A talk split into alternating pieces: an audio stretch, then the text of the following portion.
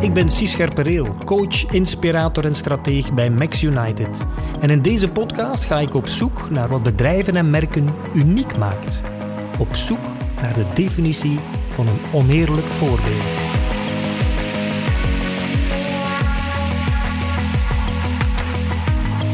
In deze allereerste aflevering heb ik een gesprek met Johannan Einikel naar aanleiding van het verschijnen van zijn boek Check In. Johannan, je hebt eh, recent een boek geschreven, Check In, op zoek naar zin en betekenis in bedrijven. We gaan het uitgebreid daarover hebben, uiteraard, dat is de reden van ons gesprek. Maar situeer eerst even, wie is die man met die wat vreemde naam? Ik ben Johanan, dat is een Hebreeuwse naam trouwens, ehm, voor Johannes. Ik ben filosoof, in de eerste plaats van opleiding. Filosofie gedaan in Leuven en in uh, Stellenbosch, Zuid-Afrika.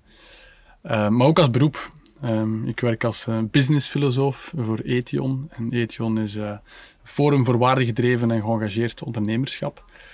En daar leg ik, mij eigenlijk, toe op ja, eigenlijk alles wat te maken heeft met de ethiek en filosofie van ondernemen. Ethiek heeft dan te maken met waarden, um, met de mens in organisatie, maar ook de filosofie van ondernemen. Want uiteindelijk, ja, een, een, een onderneming staat niet los van hoe mensen denken over mens en maatschappij. En de filosofie is eigenlijk de discipline die um, gaat doordenken op de, um, op de onderliggende mechanismen en hoe mensen denken over de wereld. En um, ja, dat speelt ook een rol in organisaties. Dus daar leg ik mij op toe met uh, onderzoek, met uh, artikels, boeken af en toe, zoals nu met check-in. En uh, met keynotes te gaan spreken. Ja. in de context van, van Ethion, ik denk dat je daar als een vis in het water voelt. Hmm. Dat straal je eigenlijk ook wel uit. Als ik je bijvoorbeeld op het forum zag vorige september, in september 2019, toen de voorzitter en het algemeen directeur uh, jouw boek aankondigden. Uh, als zijnde een referentiewerk in, uh, in aantocht. Uh, ik zag je tegelijk glunderen, maar ook een beetje beseffen van hey, die lat wordt hooggelegd. De lat werd hooggelegd, ja. ja. Maar ik vind het ook niet erg om een beetje te streven naar Allee, perfectie bestaat niet, maar wel om het zo goed mogelijk te doen. Ja, ja. ja. Ben je van jezelf tevreden over het referentiewerk wat het geworden is? Ja, ik vind, dat, um, ik vind dat moeilijk om dat zelf te zeggen dat het referentiewerk is. Ik denk dat uh, een referentiewerk ook maar niet alleen ontstaat door wat je geschreven hebt, maar wel ook hoe het ontvangen wordt. Hè. En het is nog maar een week oud, dus we moeten nog zien. Maar de eerste reacties zijn in ieder geval wel heel goed. Het is wel zo dat uh, in Nederlandstalig taalgebied, en zeker in, Vlaanderen, uh, er misschien nog niet zo uh, vaak geschreven is over ja, die betekeniseconomie, die zingeving in organisatiecontext, gericht naar de bedrijfswereld. Er bestaat ook al wat academische literatuur over. Maar um, in die zin denk ik wel dat ik op het juiste moment um, um, ja, rond dat thema eens iets naar de ondernemingswereld deed. Ja. Dus in die zin ben ik wel blij. Kan je heel kort voor de luisteraars het boek even situeren? Een hmm. korte samenvatting, de kernboodschap meegeven. We gaan straks dieper in op een aantal fijne termen hmm. die ook in het boek staan. In het kort, um, je ziet dat er vandaag zowel extern, dan heb ik het over klanten, de maatschappij, als intern, dan heb ik het over de medewerker, een heel sterke behoefte is aan betekenis ten aanzien van bedrijven. Dat wil eigenlijk zeggen dat een bedrijf meer betekent dan winst of een producent van een product. En men wil dat dat product ook um, op een bepaalde manier gemaakt is, bijvoorbeeld duurzaam gemaakt is of past bij het leven van de consument.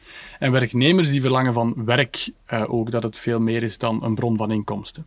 Dus er is eigenlijk een vraag naar bedrijven van je moet meer betekenen dan wat dat u vanzelfsprekende economische opdracht is. En um, wat ik dan doe, is eigenlijk gaan kijken wat is eigenlijk zingeving, ook los van organisatiecontext. Wat maakt dat mensen ervaringen hebben van betekenis en zingeving? Um, en vervolgens, hoe kunnen bedrijven daar nu een antwoord op geven? Als we weten wat mensen zingeving doet krijgen, zou ik maar zeggen, of doet ervaren, hoe kunnen bedrijven daar nu op een geloofwaardige manier, vooral dat, een antwoord op geven? Want het boek is wel gekaderd in een context waarin dat je ziet ook, dat er ook steeds meer bedrijven wel die omslag aan het maken zijn. Hè. Je ziet dat heel veel bedrijven vandaag die gebruiken bijna religieuze termen om zichzelf te presenteren. Hè, met waarden, met missies, met een purpose of een hoger doel. Dat zijn eigenlijk termen die, die eerder uit de zingevingswereld uh, komen. Dus dat is interessant. Hè. Daar zitten daar zit, heel geloofwaardige verhalen in en er zitten er minder geloofwaardige in. Maar ook die minder geloofwaardige zijn wel interessant. Waarom doen bedrijven dat? Hè? Want dat zegt toch iets wat we verwachten van de bedrijfswereld.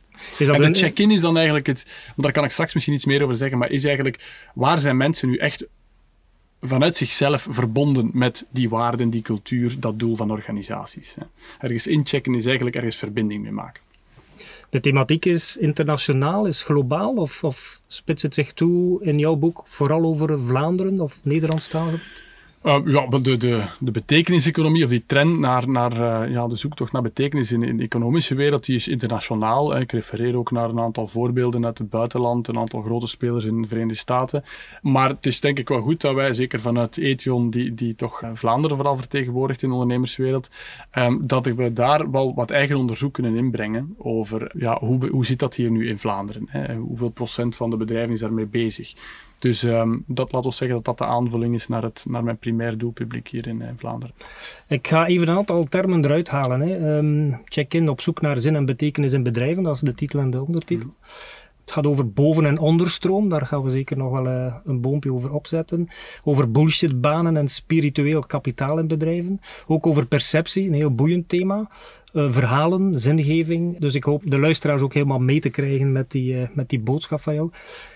Ik ga misschien starten met een, een, onthutsend uh, feit. Uh, een derde van de werknemers vindt zijn werk compleet zinloos, uh, is, uw, is uw stelling, ook vanuit het onderzoek van de Antwerp Management School. Ja, dat is toch dat is verbijsterend, onthutsend. Ja, dat is veel. Want de, de, met die andere 70 procent, daar ervaart nog een aanzienlijk deel zijn job wel als zinvol, maar dat is dan nog niet degene die echt zeggen, ik vind, mijn, mijn, bij mij valt het helemaal samen wie ik ben en wat ik doe, want daar gaat het eigenlijk ook wel een beetje over.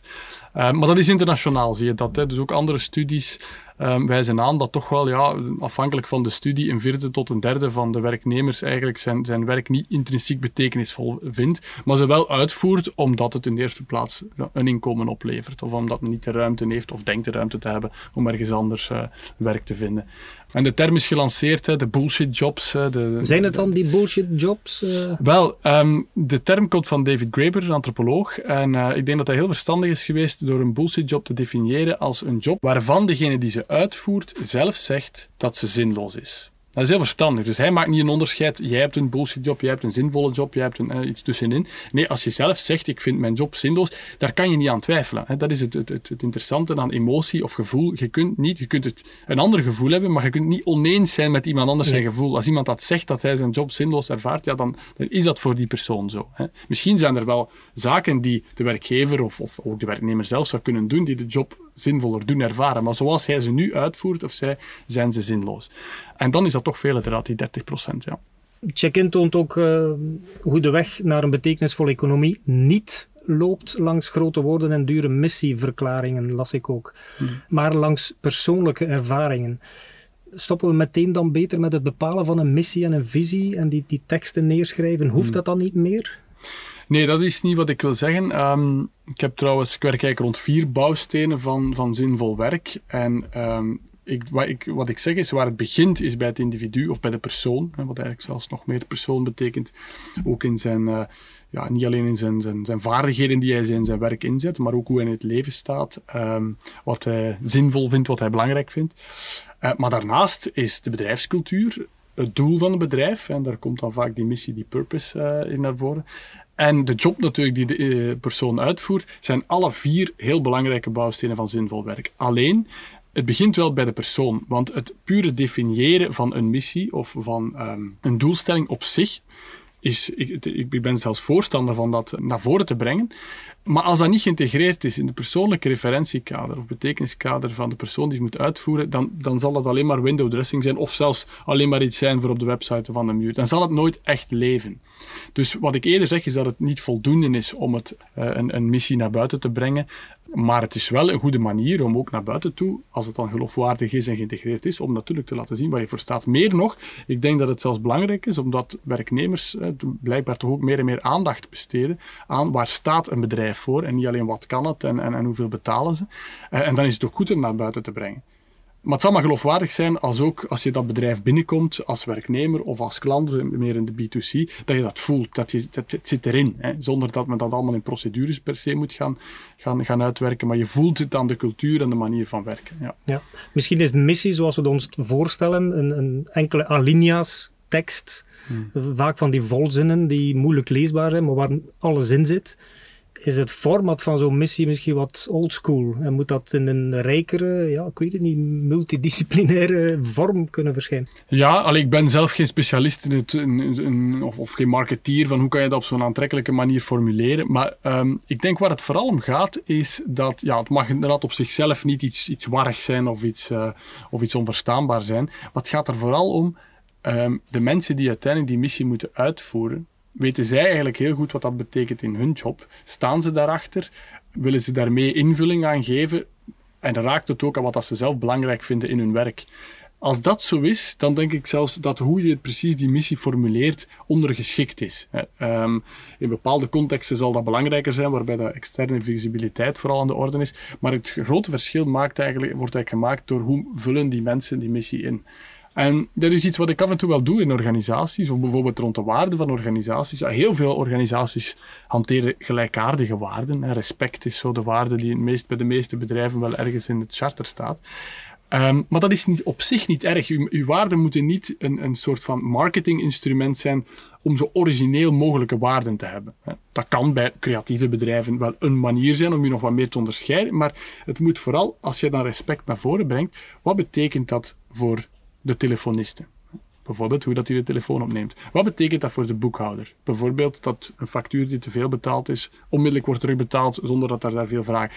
Al die kleine elementen zullen maken dat klanten of de andere belanghebbenden ervaren dat respect echt um, in het DNA van die organisatie zit. En hoe je dan de respect juist formuleert in je mission statement, ik denk dat dat ondergeschikt is. Ik las ook in het boek, 36% zegt dat uh, van de bedrijven dat het moeilijk is om het te realiseren effectief. Het staat misschien in de... In de in dat gaat dan over, um, over... Eh, dus we hebben bevraagd aan, um, in, samen met Acerta in Vlaanderen en Brussel aan bedrijven van um, in welke mate vind jij het belangrijk dat uw medewerkers, dus als leidinggevende of als werkgever, dat uw medewerkers hun werk als zinvol ervaren? En meer dan 70% vindt dat zeer belangrijk. Dus dat laat ook al zien dat het niet alleen werknemers zijn, maar ook werkgevers die dat belangrijk vinden. Maar als we dan vragen, oké, okay, je vindt het zeer belangrijk, is het dan ook sterk gerealiseerd? We vroegen wel sterk.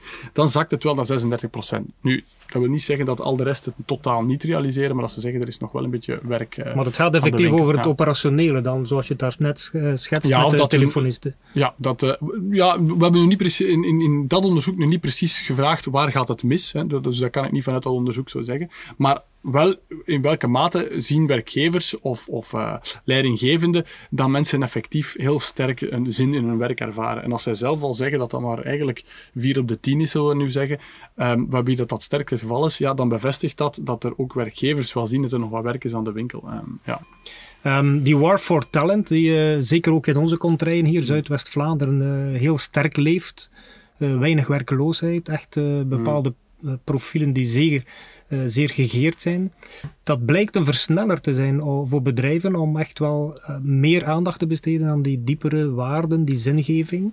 Uh, wel, het maakt natuurlijk, wel, het maakt natuurlijk um, als um, er veel werkgelegenheid is en mensen die een, een, job zoeken of naar een andere job zoeken, veel keuze hebben, Um, ja, dan is het, um, het loon meestal al wel verzekerd. Hè. Ik mag dat niet helemaal veralgemenen, maar in principe je hebt al wat te kiezen. En dan zie je dat mensen die andere redenen, en dat staat bijna even hoog als een loon, is mijn werk ook eh, zinvol? Kan ik met interessante mensen werken? Allee, die meer intrinsieke um, factoren, of eh, factoren die te maken hebben met de intrinsieke motivatie voor het werk, dat die natuurlijk meer gaan spelen.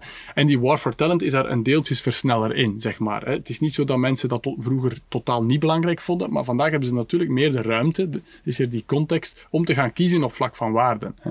In een, uh, een, periode, als er heel weinig werk is, dan zullen mensen zeggen, het feit dat ik een job heb, is al voldoende. Dat is uiteraard een factor dat nu wel verstel, versnelt. Ja, misschien ook in de context van eh, we werken allemaal langer. Hmm. Of het wordt beoogd dat we langer werken. Die vergrijzing en zo speelt ook wel mee om misschien meer aandacht te besteden aan die waarden. Ik um, sta misschien niet zo letterlijk in mijn boek, maar ik heb het bij al een aantal keren in, in, in een voorstelling gebruikt. Eigenlijk beleven we wel een beetje een soort van perfect, perfect storm voor de betekeniseconomie. In de zin van, je hebt eh, die toenemende verlangen naar zinvol werk, um, steeds kritischere klanten, consumenten, naar hoe zijn producten gemaakt, past het bij wie ik ben als persoon die war for talent. En dan nog eens, als het dan gaat over zinvol werk, ja, de context waarin dat we wel zien dat om die pensioenen betaalbaar te, houden, de sociale zekerheid, dat we langer moeten werken, ja, dat werk ook veel meer zal moeten blijven inpassen in hoe we ons leven inrichten. dat die, die zogenaamde work-life balance, waarbij dat we zeggen, ja, het gaat niet alleen over in balans zijn als twee onderscheiden um, delen, maar eerder uh, vind ik ook leven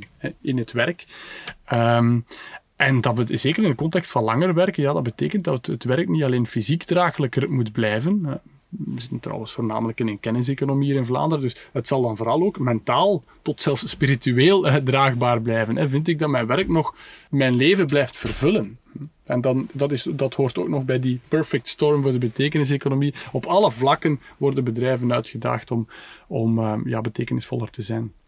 Mag ik een link maken naar je vorige boek, uh, Robot aan het stuur? Automatisering, algoritmisering, uh, wat een moeilijk woord, van processen dreigen echter menselijk vermogen tot betekenisgeving uit te schakelen, las ik ook. Um, in welke mate heeft die automatisering en dat soort dingen een, een impact op, uh, op zin en betekenis in bedrijven?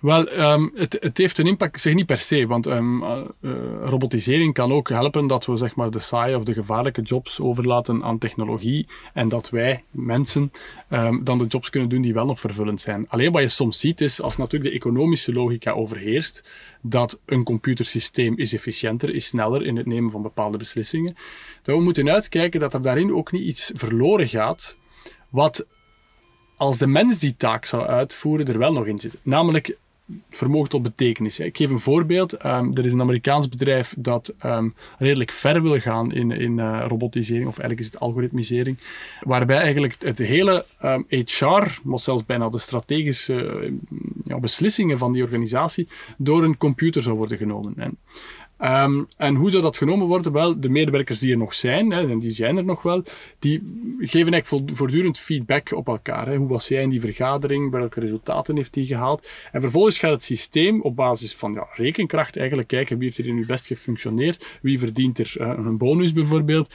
en wie moet er misschien zelfs naar de uitgang begeleid worden. Hè.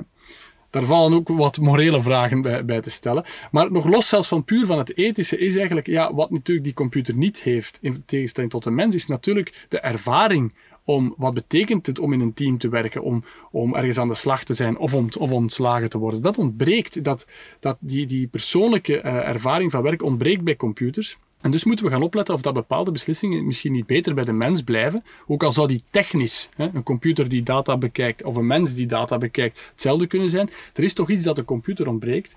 Um, namelijk dat vermogen tot betekenisgeving en ervaring, dat we misschien beter bij mensen laten. Hetzelfde met de zorg. Ik geef het voorbeeld van uh, um, Watson, de supercomputer van eh, IBM. Die kan al beter dan eender welke menselijke arts diagnoses doen naar huidkanker ja, dan moet je dat gebruiken. Hè. Dat, dat, dat uh, redt mensenlevens. Maar dat wil nog niet zeggen dat je ook van de computer wil horen, meneer, mevrouw, u hebt kanker kies nu optie A, B of C voor hoe u behandeld wil worden.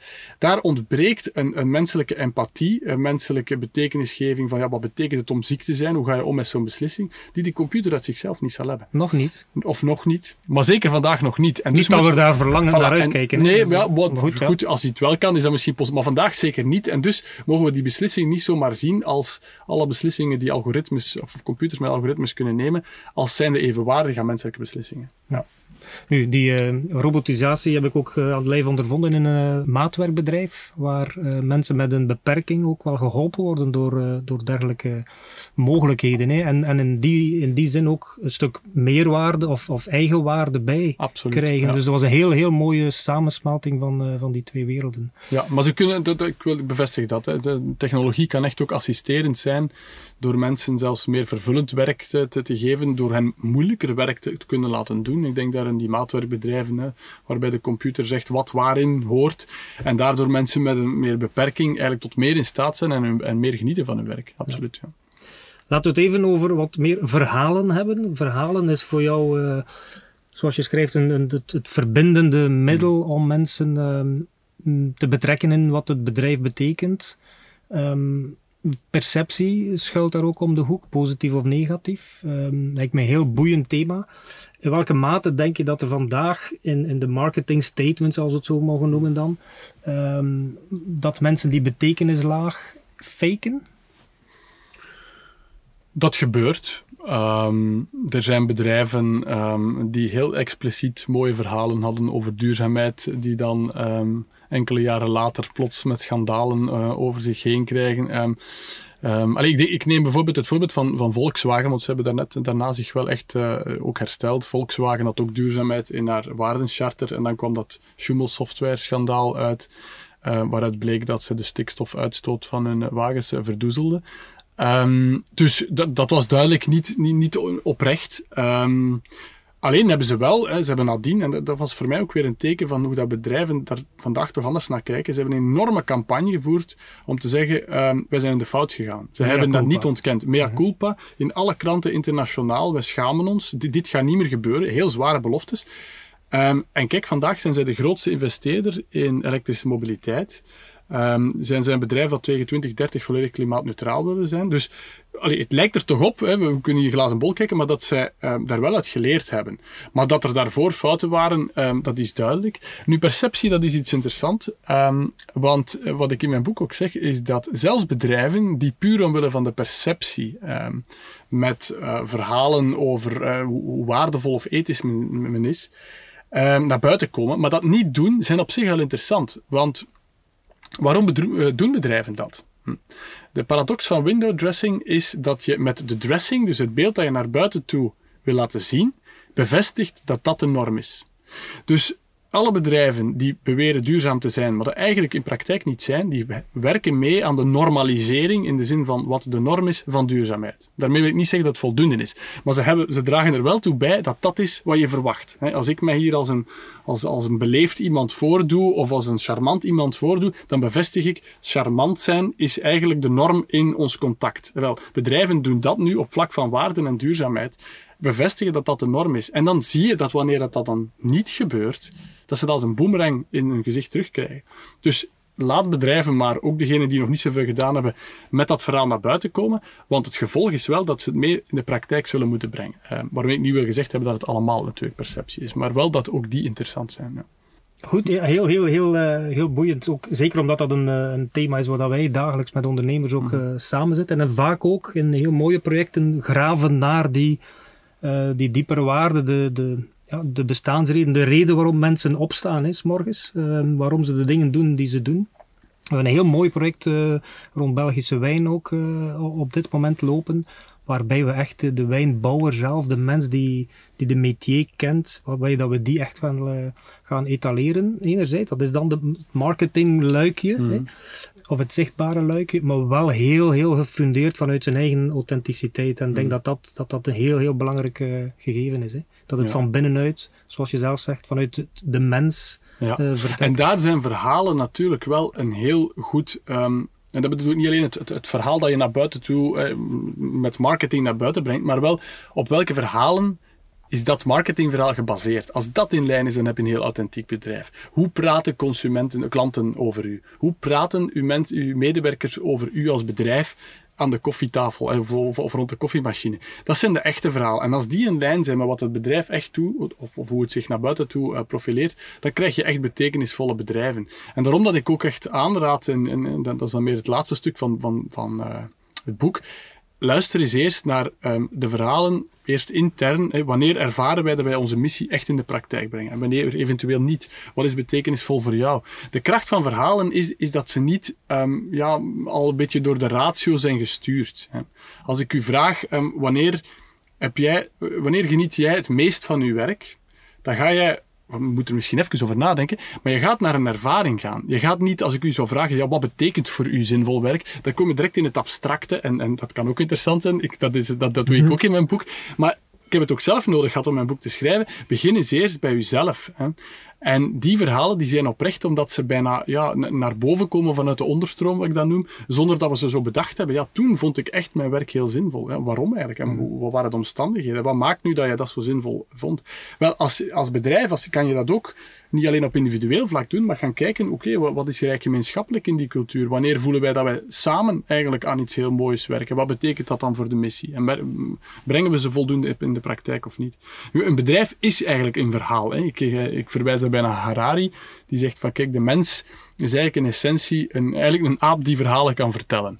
dus wij hebben een, een, ja, met een beetje een moeilijk woord, een, een, het vermogen tot een intersubjectieve realiteit. dus de objectieve realiteit zijn de dingen om ons heen.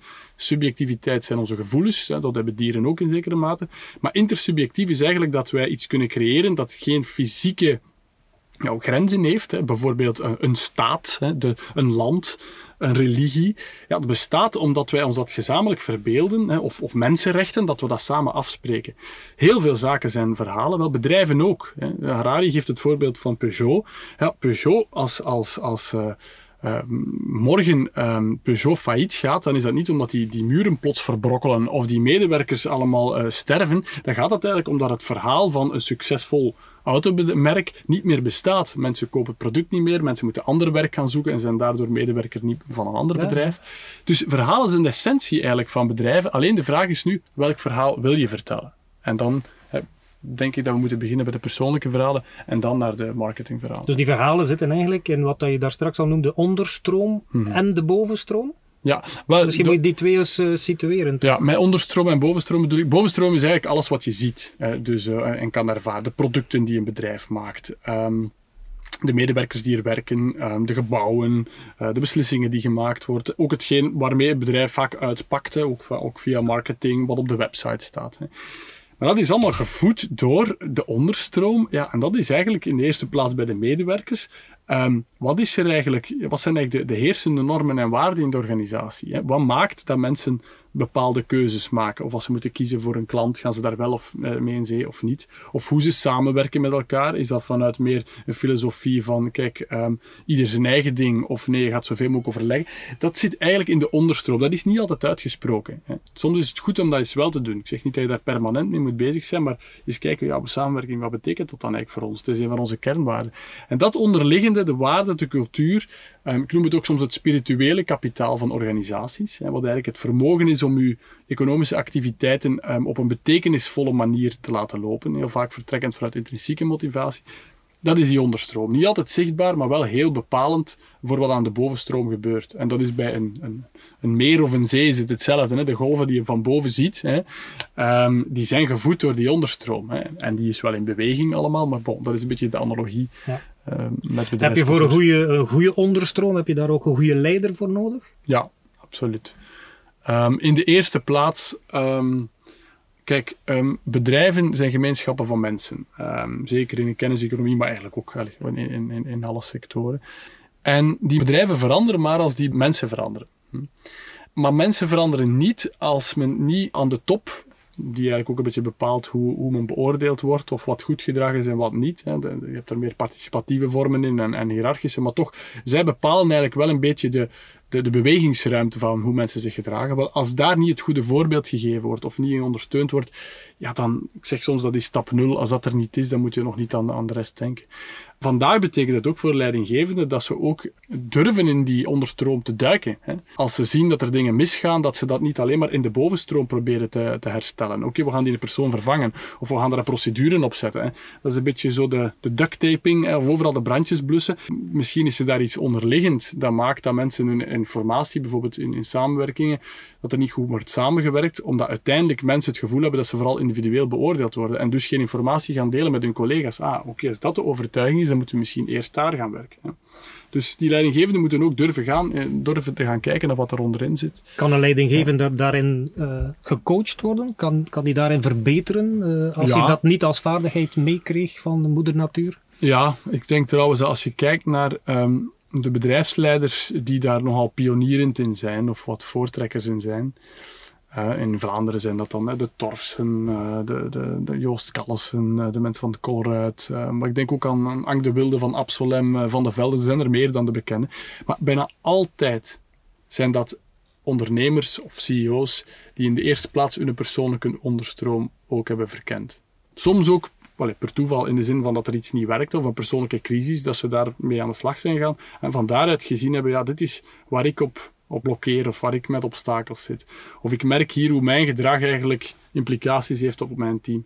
En, en ja, er bestaan verschillende trainingen en opleidingen daar rond, maar ik denk dat de essentie is, is het een opleiding die voldoende naar de diepte durft gaan naar hoe zit ik in elkaar als mens. Wat betekent dat voor hoe ik naar mijn mensen kijk? Ken ik mijn mensen ook in die binnenkant? Weet ik wat hun mensen echt motiveert? Of zie ik ze alleen maar als human resources in plaats van human beings? Ja. Dus ik denk dat dat een noodzaak is om... Uh, je hebt natuurlijk mensen die daar wat meer voeling mee hebben en, en wat minder, maar je ziet ook dat um, ja, de bedrijfsleiders die daar, die daar een sterk voorbeeld van zijn, dat dat vaak is begonnen met beginnen werken aan zichzelf. We kunnen eigenlijk de link leggen naar ratio en emotie, iets waar we ook dagelijks met, uh, met onze klanten, onze ondernemers, proberen aan te werken om die balans goed te hebben. Kan een, een, een ingenieur als leider die emotionele waarden voldoende naar boven brengen, denk ik? Of laat hij zich beter omringen door, door wat meer laten we het ons dan wat softer skills noemen. Hmm. Ja, er, er, bestaan clichés en, en, en, clichés hebben altijd wel een bron van, van, van waarheid in zich. Hè. De, de, ingenieur die meer ratio gedreven is en de, de zorgverlener die meer de zachte waarden. En, en, en, het zal natuurlijk ook wel zo zijn dat, dat mensen met een bepaalde um, persoonlijk profiel meer aangetrokken zijn tot jobs waarin dat deel van hun zelf meer wordt aangesproken. Maar ik, ik wil zeker, denk zeker niet dat het zo is dat een ingenieur geen softe skills zou kunnen hebben of een, of een zorgverlener geen, geen, uh, geen hardere skills. Um, maar goed, het, wat u zegt klopt wel. Hè. Misschien zijn er een aantal zaken waar je kan aan werken. Um, en dat denk ik zeker dat dat kan. En anders dat je je, je laat omringen door, door, door mensen die de, die, zou maar zeggen, de expertise of de ervaring um, hebben die jij misschien mist. Al, al wil ik mezelf daar ook toch een beetje in encounteren in de zin van, ik denk dat niet dat een leidinggevende, of dat nu een ingenieur is of een andere, um, die alleen maar puur vanuit ratio denkt, dat hij zich maar kan omringen met mensen die de emotie voor zich zullen nemen. Zeker niet als het dan nog de CEO is die uiteindelijk alles beslist. Ik denk om ja, toch voldoende raakvlak te hebben met uh, alles wat te maken heeft met de soft skills in de organisatie, dat dat wel zal vragen van die CEO of van die bedrijfsleiders om ook de eigen um, ja, emotionele kant te verkennen en um, uh, zeker vandaag, waarin uh, die, die cultuur en die onderstroom organisaties toch steeds meer bepalend is voor de keuze waarin mensen willen werken. Ik stelde eigenlijk een beetje die vraag ook naar de, de ratio en emotie, omdat je ook in je boek verwijst naar de triomf van de reden. Dat was hmm. misschien een, een, een, historisch momentum. Waar het de, de, misschien zelfs overslaat naar rationaliteit. Hè. Alles wat meetbaar is, is, is oké. wat niet meetbaar is, telt eigenlijk niet mee, om het scherp ja. te stellen. Um, waar zitten we vandaag? in die, in die balans? Ah, wel, een, een, een, terugkeer naar, uh, naar balans eigenlijk tussen uh, emotie en ratio, tussen ethiek en economie, tussen zingeving en financiële waarde. Um, ik heb een, een, hoofdstuk, ik vond dat ik dat moest doen als filosoof, toch even ook teruggekeken. Um, omdat eigenlijk waar we zoeken nu terug verbinding. Ik vertaal zingeving als verbinding. Maar eigenlijk historisch waren de, de, de, de wereld van wat ons persoonlijk betekenis gaf en hoe we ons werk uitvoerden, waren die eigenlijk sterk verweven. Voor de industriële revoluties, ik wil die zeker niet idealiseren, die tijd, maar mensen werkten meer thuis of bewerkten hun eigen land of, of een stukje dat ze dan huurden van een groot grondbezitter. Maar dat werk werd georganiseerd op het ritme van de natuur en op het ritme van uh, de zes dagen werken en een dag voor de Heer. Hè, de, meer het was natuurlijk dan hier in Vlaanderen vooral de christelijke religie die bepaalde. Maar eigenlijk persoonlijke levensruimte en wat daarin belangrijk was, en de professionele levensruimte, die vielen bijna samen. Vanaf de verlichting, en die was ook nodig, hè, want er was ook een heel sterke druk van uh, de kerk toen over hoe men ons leven en ons werk allemaal moesten leiden. trouwens, zelfs de kerk zegde mee van, kijk, je kon uw koninkrijk uh, gods verdienen door hard te werken. Dus, hè, dus ook daarin hadden ze een stem. Die verlichting was nodig om eigenlijk onder dat juk uh, onderuit te komen. En hebben eigenlijk in de verlichting de filosofen de reden centraal geplaatst. Hè. Niet meer de ideologie en de religie laten bepalen, maar de reden. Maar dat is wel een beetje um, ja, doorgeschoten in de afgelopen, uh, zeker 20e eeuw, waarbij eigenlijk rationalisering van productieprocessen alleen maar ging tellen. Hè. En nog voor die 20e eeuw de industrialisatie, waarbij mensen eigenlijk in fabrieken gingen werken. En dus eigenlijk hun private ruimte gingen verlaten om dan in een fabriek te gingen werken die uiteraard niet op het ritme van religie of de natuur ging werken, maar op basis van efficiëntie. Um, Functie werd belangrijk. En, en, de persoon inderdaad was niet meer belangrijk. Niet wie jij was, maar wat jij kon. Hè. En ja, daar is dan en niet toevallig dat Marx en dergelijke dan hun, hun, hun, teksten allemaal geschreven, omdat er een vervreemding was van het werk. En vandaag zie je eigenlijk een terug, een beweging naar, ja, terug proberen in balans brengen of samenbrengen van wat mensen ja, persoonlijk betekenisvol vinden. En emoties zijn daar belangrijke voelsprieten in. En het werk. Ik zou zelfs kunnen zeggen, ik geef ergens het voorbeeld, dat met, met het thuiswerken, de evolutie naar thuiswerken, is eigenlijk bijna terug naar, een terug naar huisnijverheid. Uiteraard niet op dezelfde manier, gelukkig maar. Maar is eigenlijk letterlijk een voorbeeld van hoe die private en die persoonlijke ruimte terug bij elkaar komen. Want waarom werken mensen thuis? Wel, dat is dan om, om tegelijkertijd ook wel een aantal dingen te kunnen opvangen in de persoonlijke levenssfeer. Um, om niet te lang in de files te moeten zitten waar, waar ze dan uh, vermoeid door geraken. je hebt bedrijven zoals Torf die een, een voertuig geven aan hun medewerkers, waarbij ze volledig aan zichzelf kunnen werken. Dus je ziet dat bedrijfswereld ook zelf probeert moeite doen om dat werk ja, terug, terug aansluiting te laten vinden bij hoe we ons leven persoonlijk inrichten. En emotie is, ja, emotie komt eigenlijk van het Latijnse um, emovere, wat eigenlijk doen beweging is. Doen bewegen. Dus emoties zetten ons letterlijk in beweging. Soms tot heel slechte zaken, maar ook tot goede. Maar het voordeel is wel is dat ze echt zijn. Hè. Emotie, je kan natuurlijk emotie faken, maar als, de emoties zoals we ze ervaren zijn echt. En door dat meer te gaan verenigen met hoe we ja, het werk rationaliseren, denk ik dat we um, wat meer facetten van de mens terug een plaats geven in organisaties. Ik hoop dat heel veel mensen het boek aanschaffen. En um, het is niet een, uh, een, boek waar je twintig jaar voor moet gestudeerd hebben. Dus dat, uh, het, uh, het is heel toegankelijk. Ik wil je heel erg bedanken voor het gesprek. En veel succes. Dank u wel, Sis.